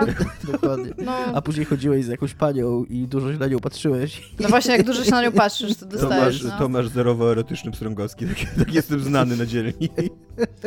Ale ten, ale no mówię, on był niby ciekawszy. Ja, ja osobiście nie za bardzo lubię Shattered Memories, bo to też jest gra, w której cały czas uciekasz i musisz uciekać przed takimi drzwiami, znaczy przez drzwi takie, jakieś takie korytarzówki biegasz. Nie, nie jest to moje ulubione. Więc tak, to, Dobra, to, to showcase dalej. tyle mogę powiedzieć. A potem jest jakaś taka giereczka, która wydaje mi się, że się podo- spodoba Dominikowi, bo jest pikselową przygodówką. To Nazywa jest się totalnie- Chinatown Detective to jest Agency, więc może totalnie- Dominik o tym powie. To jest totalnie gra tego y, showcase'u dla mnie. Y, I nie dziwiąc nikogo absolutnie, bo też byłem przekonany, że jak na nią spojrzycie tam dwie sekundy, to pomyślicie, że to jest gra dla mnie. Ja kocham takie gry i, i, i, i kocham, jak one powstają. Wydaje się to zupełnie klasyczna przygodówka y, point and click, która nie wynika to w ogóle z trailera, ale to jest coś, co Eurogamer y, na co zwraca uwagę. Ma mieć też jakieś elementy takiego ARG, czyli Alternate Reality Game, tego co rozumiem, że, że jakby częściej gry będzie się toczyć poza grą, czyli ona będzie wymagać od gracza. Prawdopodobnie będzie się to sprowadzało do wchodzenia gdzieś po internecie, nie? że trzeba tam będzie wyjść z tej gry i co, co, coś znaleźć w prawdziwym świecie. Nie? No, ale Bo one to- się chyba dzieje w Singapurze, więc nie sądzę, żeby tak, raczej, raczej kopali, bo- żebyś pojechał do byłoby Singapuru. słabe, coś jakby oni wymagali, tak, wymagali Ej, od graczy. Ja mam takie pytanie, czy to e, e, e, AR to się nie rozwija jako augmented reality, a nie alternate? A może? Nie wiem. Ogólnie Augmented, ale jest też A, AR nie, jako ARG, Alternate alternative, Reality. To są te takie gry, to są. To, to, mm, a, a, na Augmented rozszerza się, kiedy to, masz to jest skrót AR. rozszerzone. Jeżeli masz AR, czyli tak jak masz VR, czyli Virtual Reality i AR, czyli Augmented Reality, czyli rzeczywistość, na którą masz nałożone jakieś fikcyjne Tak. obiekty. A ARG to jest co innego. ARG to jest Alternate Reality Game i to jest taka gra oparta na właśnie szukaniu zagadek w prawdziwym Aha. świecie. Czyli, i, czyli, że tam masz pojechać pod jakiś To adres i robił tam... będzie- Reznor. T- No, ro, robili to, no tak, było to tam jako Było to popularne. Tak było to latach popularne swego czasu jako, jako 2000. strategia marketingowa, nie? że tam yy, na końcu trailera był jakiś tam adres, jak tam czy, czy numer telefonu, dzwoniłeś pod ten numer telefonu, dostawałeś jakiś adres, coś tam znajdowałeś, jakąś naklejkę przyklejoną gdzieś i tak dalej, i tak dalej. Nie? No domyślam się, że w przypadku tej gry faktycznie to nie będzie chodzić o to, że, yy, że będziemy musieli jeździć po świecie i tam znajdować jakieś zakopane skarby czy, czy coś takiego. W Singapurze, bo, bo yy, To było, ale to by w ogóle zajebiste było, jakby tak, wiesz, kupujesz grę za 5 e- e- euro, co nie, taką indie, co nie, a tam, żeby ją ukończyć, musisz pojechać do Singapuru, pójść do jakiejś e, dzielnicy i tam przeczytać rozwiązanie zagadki na ścianie. Coś takiego miało sens w przypadku tych takich marketingowych y, y, ARG, tych gier, mm, gdzie one były nastawione na to, że to było takie społecznościowe ich rozwiązywanie, czyli w to się angażowała jakaś społeczność i po prostu wystarczyło, że była jedna osoba w Singapurze, która to znajdowa- znajdowała jakąś tam wskazówkę i ona przekazywała ją dalej. Gdyby tak na tym polegała też ta gra, no to byłoby to trochę rozczarowujące, więc domyślam się, że tam będzie chodziło po prostu prawdopodobnie o szukaniu czegoś w internecie. Nie? Ewentualnie, nie wiem, może zadzwonienia pod jakiś numer, ale to też jest ryzykowne, bo jakby to musiał być jakiś międzynarodowy numer, więc nie wiem. No zobaczymy. Jestem tym bardzo zaintrygowany. Wygląda to totalnie jak gra z, takiego, z takiej Ale- półki gier dla Dominika. Ale sam Więc- trailer jest dosyć zabawny, bo ja jakkolwiek rozumiem, że dla małego indie studia to, że robią voiceover, full voiceover to jest duże wydarzenie, to jednak, żeby sprzedawać, kurde, e, nieznaną No, indie tak. markę tym, że będzie miała podłużone głosy pod dialogi, to jest takie... Tak, cały ten, cały ten thriller jest wokół pani, która mm, odgrywa główną rolę tej, tej postaci i być może to jest fajne, tak, że, tak. że ta pani została pokazana i jakoś tam podpisuje Ale to jako taki grą. dev diary to się nadaje, a nie jako Tak. trailer na imprezę tak. dużą. Trochę tak, no. Ale może przy okazji chcie, chcieli pokazać, że, to, y, że nie robią whitewashingu, czyli y, Tak. aktor, czyli panią, która, która jest z Singapuru w grze, faktycznie też jakaś jest Ja bym chciał tylko powiedzieć, że ostatni Batman aktorka. robi slim washing i, i bardzo mi się to nie podoba. Co Że no, że zatrudnia się chudego aktora, żeby odgrywał grubego To nie jest bohatera. body shaming? Tak, Nie, tak. nie, ale to nie, dobrze nie, nie, mówi. to jest To jest- odwrót. Jakby y, y, wy, wyklucza się grubasów ze strefy publicznej. Więc zatrudniasz po prostu y, chudego Colina Farela, szczupłego Colina Farela, nakładasz na niego jakieś takie pianki, żeby udawał grubego pingwina i, i jakby jest wystarczająco dużo otyłych ludzi na świecie i otyłych aktorów na świecie, żeby zagrali tego pingwina. Jakby nie, nie rozumiem, co tu się wydarzyło. Aczkolwiek jest, jest, ja nie powiedziałem, Bardziej mi się podoba, że sobie wyobraziłam, że oni zaproszą wszystkich tych otyłych aktorów, żeby grać tego pingwina i to będzie taki jeden ultra pingwin. giga pingwin. Pingwina. Kto grał u was pingwina? Tak, wszyscy. Dobra, e, to co mnie interesuje, to jest w ogóle e, właśnie taka gra, która jakby jest super fucking weird i się nazywa Clash Artifacts of Chaos. I jest, nie mam zielonego pojęcia czym. Naprawdę? Dosłownie jest TPP z, to jakiegoś, z jakimś takiego trochę FPP, z to kamery, kurde, jakimś super klaustrofobicznym nad ramieniem. Ma przedziwne, ogóle- u, tak, przedziwne ustawienie kamery Tak, ma, na maksa. Gdzie, gdzie chodzisz, ta grafika i te modele w ogóle wyglądają jak z jakiegoś Właśnie to odzysku. wygląda to jak jakaś wszystko gra z wygląda... Biedronki w ogóle. Tak, i to, ale właśnie, that's the point, jakby ta estetyka wszystkiego, to każdy typ wygląda jakby był w ogóle z jakiegoś a, innego asset packa. W ogóle, coś takiego. I, i przy okazji ta, ta walka się w ogóle nie wydaje fan, ale, ale jest totalnie na tym oparta. I mówią ci, że będziesz mógł odkrywać własne techniki i w końcu skrać własny styl, a on tam kopie i, i bije pięścią. I jakby, i, i to w ogóle nie wygląda jakby UX friendly, bo jakby dostają, jak dostają hita, to jest takie kcz, kcz, kcz, Tak. tylko i nie masz żadnego healthbara i jakby jestem tak zainteresowana tym, co to jest, bo to może być po prostu a beautiful train wreck, nie? Nie, centralnie jestem zainteresowana, bo to przynajmniej było inne. Każda decyzja jestem tak odważna. Czy ona jest dobra, to wam nie powiem, ale jest na pewno bardzo odważna, nie? Ja, ja nie wiem, czy Jakby to są ja chcę odważne odważ- decyzje, to są, Złe decyzje po czy to prostu. są po prostu decyzje. wiesz. jakby Takie, że, Ale nie wiesz. Albo po prostu złe, no. Znaczy, to być może jest decyzja, z którą poszli i teraz y, chcą jakby zachować jej konsekwencje i ja to szanuję. Jakby wiesz, mamy 5 Więc chcę dolarów budżetu, trzeba kupić jakiś asset packa. Jest tylko jeden, z tym czego szukamy, więc, więc będzie. I tak mi się podoba, że oni mówią, że. e, Bo tam głównym bohaterem jest ziomeczek, którego totalnie nie, nie pamiętam jak się nazywa, ale wygląda bardzo dziwnie, wygląda bardzo chorego, e, który, e, którego jakiś tam mistrz sztuk walki, którego on trenuje. się nazywa. O, no to tak. I mistrz sztuk walki, którego on trenuje, umiera, w każdym razie on się sam skazuje na takie trochę wygnanie i znajduje The Boy. To jest dosłownie tak w tym trailerze. I ten The Boy to jest taka kulka, kurde, ze skrzydłami. Nie, tam, czy to, jest, czy to jest chłopiec, czy, oni, czy to jest zwierzątko, czy to jest człowiek, jakby nie, nie wiesz, nie wiesz, bo tam jest wszystko super weird. I naprawdę, naprawdę kibicuję tej grze i chcę ją zobaczyć i przy, na pewno poświęcę jej jakieś półtorej godziny przynajmniej, żeby zobaczyć, co to jest. Bo to wygląda tak dziwnie wszystko, co tam jest. Ona tam niby mówi, że ona się opiera na surrealizmie i tak, najprawdopodobniej, a z drugiej strony możecie się nie opierać na surrealizmie i po prostu wziąć czasowe asety z asset packów i będziecie w tym samym miejscu, ale jestem super zainteresowana tym, co to sobą reprezentuje. Chyba jest właśnie, były takie dwa trailery y, wśród tych y, pokazanych na tym showcase'ie i pierwszy to jest ten Clash Artifacts of Chaos i drugie to jest Lost Eidolons, y, które wyglądały najmniej interesująco ze wszystkiego. Takie, Nie, to Lost Eidolons to tam... tam to w ogóle, tam to w ogóle tra- trailer, Fest dla trailer, mnie. gry, trailer w ogóle gry, na którym ma ona ewidentne problemy z framerate'em. Takie naprawdę Ten Lost ewidentne. Eidolons wygląda trochę jak e, Fire Emblem e, robiony przez zachodniego dewelopera. I działa w jakichś 20 klatkach na tym No to trailerze. prawda, że tak, ale być może jestem trochę zainteresowany tym. Wow. Znaczy, ja właśnie zobaczyłam, o, strategia turowa i tak ten, ale te, ten cinematic, bo to się od tego cinematiku zaczyna, to jest po prostu taka bida i tam w ogóle przez to, że e, Elden Ring jest zachowany w e, wyobrażeniu Miyazakiego o europejskim średniowieczu, to jakby już samo europejskie średniowiecze jest w ogóle dla mnie nieinteresujące. I zgubili mnie totalnie, a potem zobaczyłam, ej, to jest turowe, to, to może dla Tomka. E, tak, y, z kolei mi się e, nawet, nawet mnie zainteresowała taka gierka There is no Light, która jest właśnie jakimś takim RPG, action RPG mrocznym y, z dosyć rozbudowanym chyba systemem walki, napieprzania i, i, i to wygląda nawet ciekawie, takie pixel artowe, Mają dziwny trailer do. tak, pixel artowe, brutalne coś, w czym się dużo zabija i, i, i jakaś jest wielka, enigmatyczna fabuła. Pewnie podejrzewam, że jakieś wielkie zło wyskakuje z dziury i tak dalej. E, Ale samo na takim, na takim poziomie właśnie takiego, takiej em, em, metroidvanio-zeldowego czegoś z w miarę trudnym, tak się wydaje przynajmniej, że to jest w miarę trudna walka i, i taka rzucająca wyzwanie graczowi, to okej, jakby tam jestem też trochę zainteresowany tym. Mi się nawet podobało na początku tego trailera, bo podobała mi się estetyka. Trochę to wyglądało. Miałem takie skojarzenie, że Children of Morta i Darkwood. jak, tak. trochę jak taka gra za, za Migi albo wczesnego peceta. Nie, mi się też totalnie Children of Morta skojarzyło.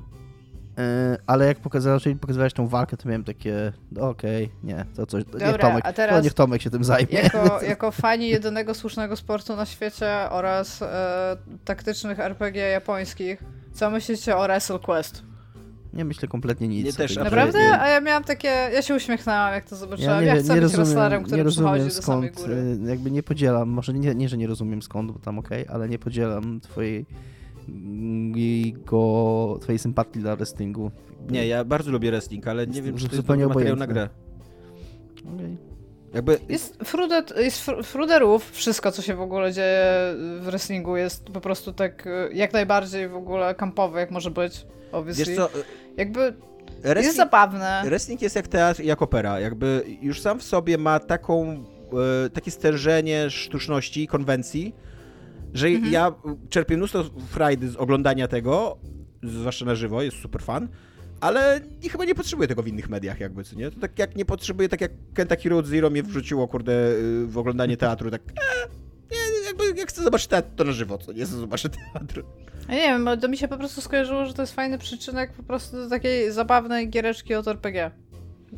Iście na szczyt e, jakby rozpoznawalności Podróż wrestlera, którym tak? jesteś. Może ja No, o, spróbuję, tak, tak.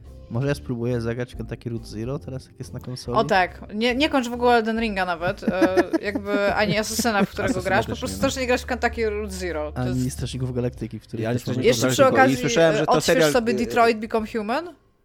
Że to Paradise Killer, co chciałeś e, odpalić, to, to nie, nie jest warte tego. Kentucky Root Zero. Kentucky Root Zero przy okazji trwa z 15 godzin, z czego 2 godziny to jest sztuka teatralna, więc też myślę, że daleko zajdziesz w tej grze.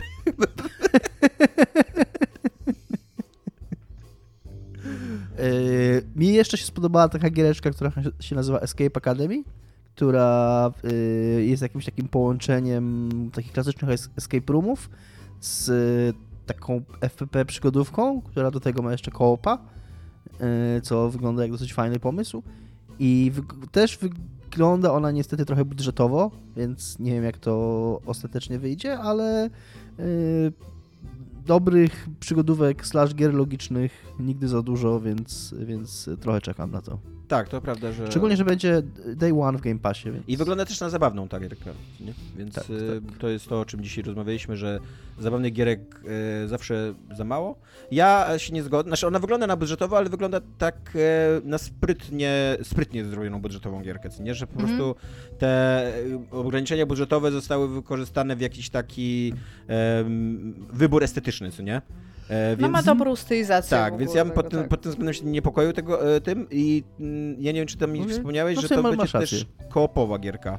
Że to będzie Tak, taki, wspomniałem tak, właśnie, że no to tak, właśnie tak, to będzie tak, taki że escape będzie- room, w który się będzie można bawić ze znajomymi. Więc ja Tak. tam, tak, jestem, jestem e, sympatycznie zainteresowany tą gierką, nie? Tam zobaczymy, co z tego będzie. Tak. Co jest grane u ciebie, Dominik? Jest u mnie grany Assassin. Dobra. I wiersz. Jest to Assassin's Creed Valhalla Świt Ragnaroku, czyli najnowsze DLC do Assassin's Creed Valhalla, trzecie już, które wziąłem na swoją zgubę do recenzji, przez co nie gram w Elden Ring, tylko gram w Asasyna. I nie I nie gram w. Strażników i nie gram w Strażników Galaktyki, tylko gram w Asasyna i i przed tym rozszerzeniem wydaje mi się, że poszła jakaś informacja prasowa, czy taki marketingowy, przek- marketingowy przekaz, że jest to najbardziej ambitne DLC. Ty jeszcze w Pathfindera grałeś, ty? Grałem, no, w Pathfindera muszę wrócić do niego. że jest to najbardziej ambitne DLC w historii Asasyna i jest to e, fraza, którą widziałem powtórzoną później w recenzjach. Mm, Absolutnie mm, ja bym tak nie powiedział. Wydaje mi się, że mówię, że poszedł jakiś marketingowy przekaz. Ja w ogóle Bo- nie wiem, czy wykorzystywanie słowa ambicja i asasyn w jednym zdaniu No, wiesz, y, właśnie być może miałoby to jakieś uzasadnienie, gdyby, gdyby miało to jakiekolwiek pokrycie w rzeczywistości. Natomiast y, to DLC, oprócz tego, że rozgrywa się, y, że jest to y, historia fantazy, mm, czyli nie rozgrywa się w naszym świecie, tylko rozgrywa się w tym, w tym świecie mitów nordyckich, Co zresztą już było w podstawowej wersji gry, więc to też nie jest jakieś nowe. I było w poprzednich częściach, bo przecież w, w Odyssei też był ten motyw, że się trafiało tam do tej, do tej Atlantydy, która była tam i tam żyli ci, ci przedwieczni i tak dalej. Więc to nie, nie, jest to, nie są to żadne nowe rejony dla, dla tej serii. A gameplayowo to jest kurde więcej tego samego, w czym już mam 170 godzin w tej grze. E, Tam nie ma absolutnie nic nowego. Na ile jest godzin tam... jest wyceniany ten dodatek? No właśnie, oni twierdzili że w ogóle, że to jest praktycznie cała nowa gra i że to ona może być nawet na 40 godzin. Yy, Ja sobie gram jakieś 10 godzin i już wydaje mi się, że kończę. Tak jak patrzyłem na How Long to Beat, to piszą tak od 8 godzin do 15. I wydaje mi się to znacznie bliższe prawdy.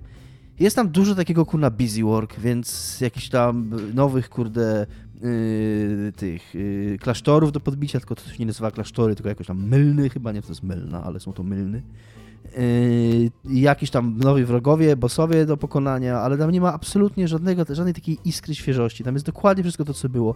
A jeżeli jeszcze raz, kurde, ta gra mi każe że, yy, robić coś takiego, że są zamknięte drzwi i drzwi są zablokowane i ja muszę znaleźć jakieś okno, żeby przez to okno rozwalić yy, blokadę, która blokuje te drzwi, żeby móc je otworzyć, to jest coś, co ja już robiłem tyle razy w, pierwszy, w podstawowej wersji gry i tyle razy w pierwszym i drugim DLC. I jak oni tą samą zagadkę robią tutaj, znowu kurna, co drugi przedmiot, który masz zdobyć jest za taką zagadką, to już naprawdę, kurde, no ile można, nie? I, i tam teoretycznie są takie powierzchowne nowości, że tam y, masz te nowe supermoce, że możesz, że masz, przez to, że jesteś tym, tym Odynem i, i, i pokonujesz tam te lodowe giganty czy inne i one zostawiają po sobie takie do- y, moce specjalne, że jakby wyciągasz z nich te moce i masz nowe, takie nowe kółko umiejętności, nie?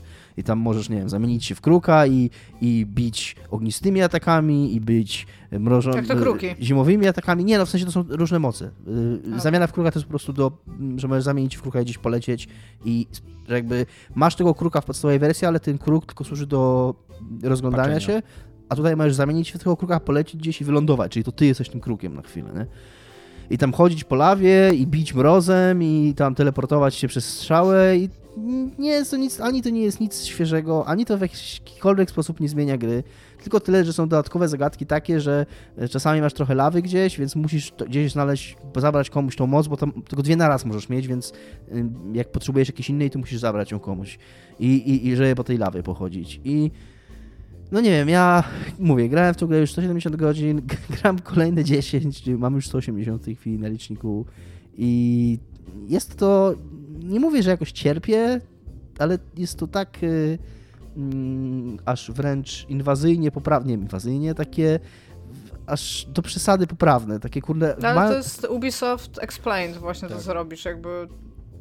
tak, Dobrze, że po 180 godzinach o tym mówisz, nie po 250, ale jakby tak, jest to, to, jest to po prostu, jest to taki kurde, taki, taki fast food growy, naprawdę, taki Właśnie da, raczej autentycznie... taki czerstwy chleb growy, że tam Znaczy, no, jesz go, żeby nie, bo przeżyć. To, nie, bo to działa. To jakby ja nie, nie jestem jakiś super krytyczny. To jest takie, a to jest takie kurna modelowe 6 na 10 dla mnie. Jakby ta fabułka jest nawet ciekawa. Te, te, jakby ta gra działa, ten, ten, ta, ta walka działa, to przemieszczanie się, bieganie po świecie jest ciągle fan w miarę. To jest takie, kurde, takie, takie, mówię, aż agresywnie poprawne, nie? Jakby, jak reklamują to jak... Naprawdę, wow. Bardzo jak- ładne y, wyrażenie. Bardzo jak, reklam, jak reklamują to jak, jako, jako najbardziej ambitne DLC, to gdyby tam kurna było coś takiego, o czym Iga mówi, czyli jakaś decyzja taka dziwaczna, kompletnie zmieniająca coś, taka, żebyś myślał sobie, kurna, Że nie masz nogi na przykład. na przykład, no, że, że kłócasz na jednej nodze, nie? I okej, no trochę dziwne, ale... ale No i ale przez na przykład nie możesz wchodzić po schodach. ale miało być takie, okej, jakby jest tu faktycznie, można powiedzieć, o jakiejś ambicji, tak? Jakiejkolwiek ambicji, a, a tu nie ma żadnej ambicji w tym DLC. Ubisoft, więc... proszę nie wysyłać y, mi podania pracy, nie chcę was pracować, dziękuję. I, I szczególnie mając tego Elden Ringa rozgrzebanego, no nie wiem czemu sobie to zrobiłem i wziąłem taką po prostu, kurde, standardową, do przesady, do bólu grę, grę open worldową i, i naprawdę już dajcie już spokój, dajcie żyć człowiekowi już, bo ja kupię i będę grał, kupię albo wezmę do recenzji i będę grał we wszystko, co zrobicie do tego Asasyna, ale, ale nie chcę, uwolnijcie mnie od tego po prostu Ubisoftie. No. Napisz uh, open, open letter to Ubisoft. Please stop releasing Assassin's Creed. I had enough. Please. Think of the children. Tak, takie kill me! No yy, i to tyle u mnie. O strażnikach pogadam jak ich skończę. Miałem gadać dzisiaj, ale w sumie i tak już mamy sporo materiału. Yy, Tak, a ja właśnie więc- uznałem, że skoro już kończysz, to jeszcze jednak wiersz wcisnę tutaj na żywo. No, no to wciśnij wiersz, yy, bo, bo, bo ja stwierdziłem, że o strażnikach pogadam. Bo czasem y, trochę naszej kuchni odkryjemy, że czasem y, dogrywamy. Jak ja, ja dogrywam wiersz i się go dokleja po prostu, bo czasem już nam nie starczy Tak. czasu. Yy, też ja przepraszam za moją pomyłkę.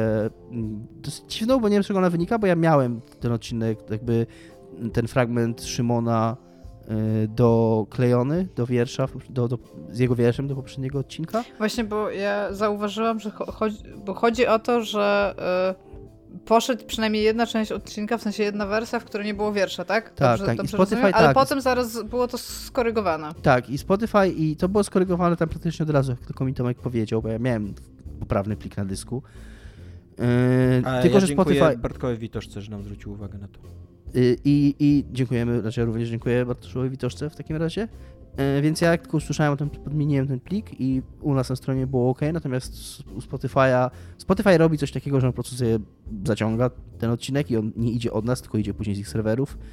E, Więc to trochę trwało. Ja napisałem do nich i to zawsze trochę trwa, zanim ich tryby ich koła I oni, oni zawsze mają taką samą odpowiedź, że w ogóle taką moją odpowiedź, jakby się prosiło ich o nie wiadomo co, co gdzieś tam się Tak, muszą skontaktować, w ogóle prześlemy was do naszych ekspertów. Na początku oczywiście, na początku oczywiście dali mi standardową odpowiedź taką, żebym się odczepił. Yy, po czym musiałem im drugi raz napisać, że słuchajcie, ja rozumiem, że yy, jeżeli się zmienił URL, to muszę nowy URL wkleić, ale URL się nie zmienił, tylko tak jak pisałem wam, zmienił się plik w środku i dlatego u was się nie, zainic- nie pobrało na nowo, więc proszę, żebyście to...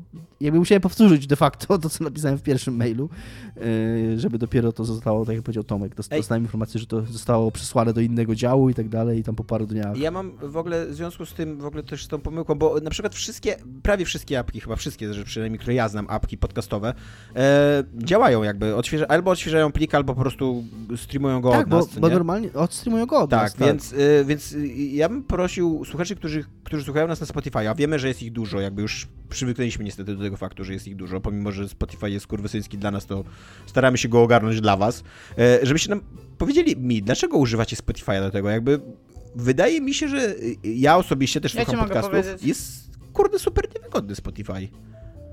Ale chodzi o ilość apek, które masz. Po prostu, to jest tyle. Ja używałam kilku apek do podcastów. Jak e, zobaczyłam, że 90% tych podcastów jest na Spotify'u, to po prostu odinstalowałam te apki i używam Spotify'a. Ja używam tej y, Apple'owej apki do podcastu, ona jest super wygodna, super lekka jest przede wszystkim, jakby do, dobrze, dobrze jest optymalizowana i no nie wiem, jak... i tam przede wszystkim działa, jakby, bo ten Spotify okazuje się, że nie działa przynajmniej dobrze. E, no, ale tak, jeżeli wasza odpowiedź jest taka jak Iggy, to napiszcie, że taka jak Iggy, a jeżeli wasza odpowiedź jest inna, to napiszcie, że jest inna. I nie piszcie jaka, tylko napiszcie inna, po prostu kropka. Dane telemetryczne zawsze na propsie. Tak, e, tymczasem wiersz. E, wiersz e, jest ukraińskiej poetki Iryny Ciłyk e, i tłumaczyła go Aneta Kamińska. E, nie ma tytułu, e, więc są tylko trzy gwiazdki jako tytuł, a idzie tak. Z, przy, z przyzwyczajenia stawiać dwa kieliszki, potem zabierać jeden, znajdować czołg dorysowany w książeczce ze świnką Pepą, znać imiona nigdy niewidzianych kobiet, nigdy niewidzianych mężczyzn, obok których śpisz, palić czasem, czasem płakać, chować twoje cywilne buty na antresolę, cukierki, kask, odpowiadać dziewczynce z poczty, uczyć się alfabetu sektorów A, B, C. I być samą. Przede wszystkim w tym festiwalowym, tym karnawałowym, brejglowskim tłumie włączać specjalną twarz dla wszystkich, którzy ze specjalną twarzą pytają, jak się mam. Nie spać czasem, czasem spać. Przerzedzać mechanicznie grono znajomych na korzyść tych obcych, tych swoich. W gorkach, pikselkach czy brytankach. Iść po chleb i stać z chlebem, łamać chleb. Złymi, złymi palcami. Tak skrupulatnie. Potem ptakom ofiarować. I mieć kilku mężczyzn. Teraz za każdym razem wraca do mnie inny. Zdaje się, że to ty, ale będzie dzień, postawię dwa kieliszki i ktoś w tobie uśmiechnie się zmęczony i pomyślę, no dobrze, znam cię, masko. E, więc tak, to był wiersz e, Iryny Ciłyk, e, bez tytułu, e, w tłumaczeniu Anety Kamińskiej. E, więc tak, więc e, sekcja poetycka została dzisiaj zaliczona. Chcielibyśmy jeszcze patronajtowo podziękować Tomkowi 2, e, Michałowi i Mafinkowi e, za to, że nas wspierają e, horrendalną sumą 200 zł. E, Jednocześnie właśnie dostałem, as we speak, as we speak, dostałem, maila, że Darek e, anulował subskrypcję. Darek, e, popraw się. Jakby. Jaki dalej? Jakiś Nie no, nie będę, nie będę podawał, nie będę podawał jego danych osobowych. nie, Po prostu, okej. po prostu Darek. Niech to będzie Darek. Już, już, Dominik już jechał. Tak. A, ja musiałam E, powiedzieć... Aha, no A tak serio, to tak, to dziękujemy yy, za, za, za każde wsparcie. Jeżeli nie możecie nas wspierać, to nas nie wspierajcie. Jeżeli możecie nas wspierać, to nas wspierajcie. Yy, Super nam ono pomaga. E, Ten podcast powstaje też między innymi dzięki temu, że nam pomagacie i nas wspieracie. E, I, i, ale też nie zamierzamy niczego chować jakby za żadnymi pyłami i Tak, i ja, tak dalej. ja bym chciała jeszcze powiedzieć, e, bo mówiliśmy o tym, że to będzie powstawało, to już jest, na co zwrócił mi uwagę Tomek. Humble Bundle ma bardzo gigantyczny bundle na rzecz Ukrainy. Tak, więc istnieje, można, można- go kupić. Można dostać dużo giereczek, e, a pieniążki Mogę, z dumą mogę powiedzieć, że jest tam też Radio Commander w tym Humble Bundle. Tak, jest. Potwierdzam, kupiłam, mam. Tak, dobra gierka, polecam. Takie 6-7 na 10. 6 na 10, ale 7 na 10, bo z duszą, co nie? Więc, więc tak, więc możecie zwrócić swoją uwagę na Humble Bundle jeszcze przez 4 dni. Tak, Będzie. jest olbrzymi. I 7 milionów euro już y, zebrał. Jakby e, trochę jest to dziwne, tak jak sobie o tym pomyślę, że biorę udział w jakiejś akcji, której 7 milionów euro ktoś zebrał. że nie? Więc tak. E, no, to chyba tyle na dzisiaj. Cześć. Dzięki, hej. Pa.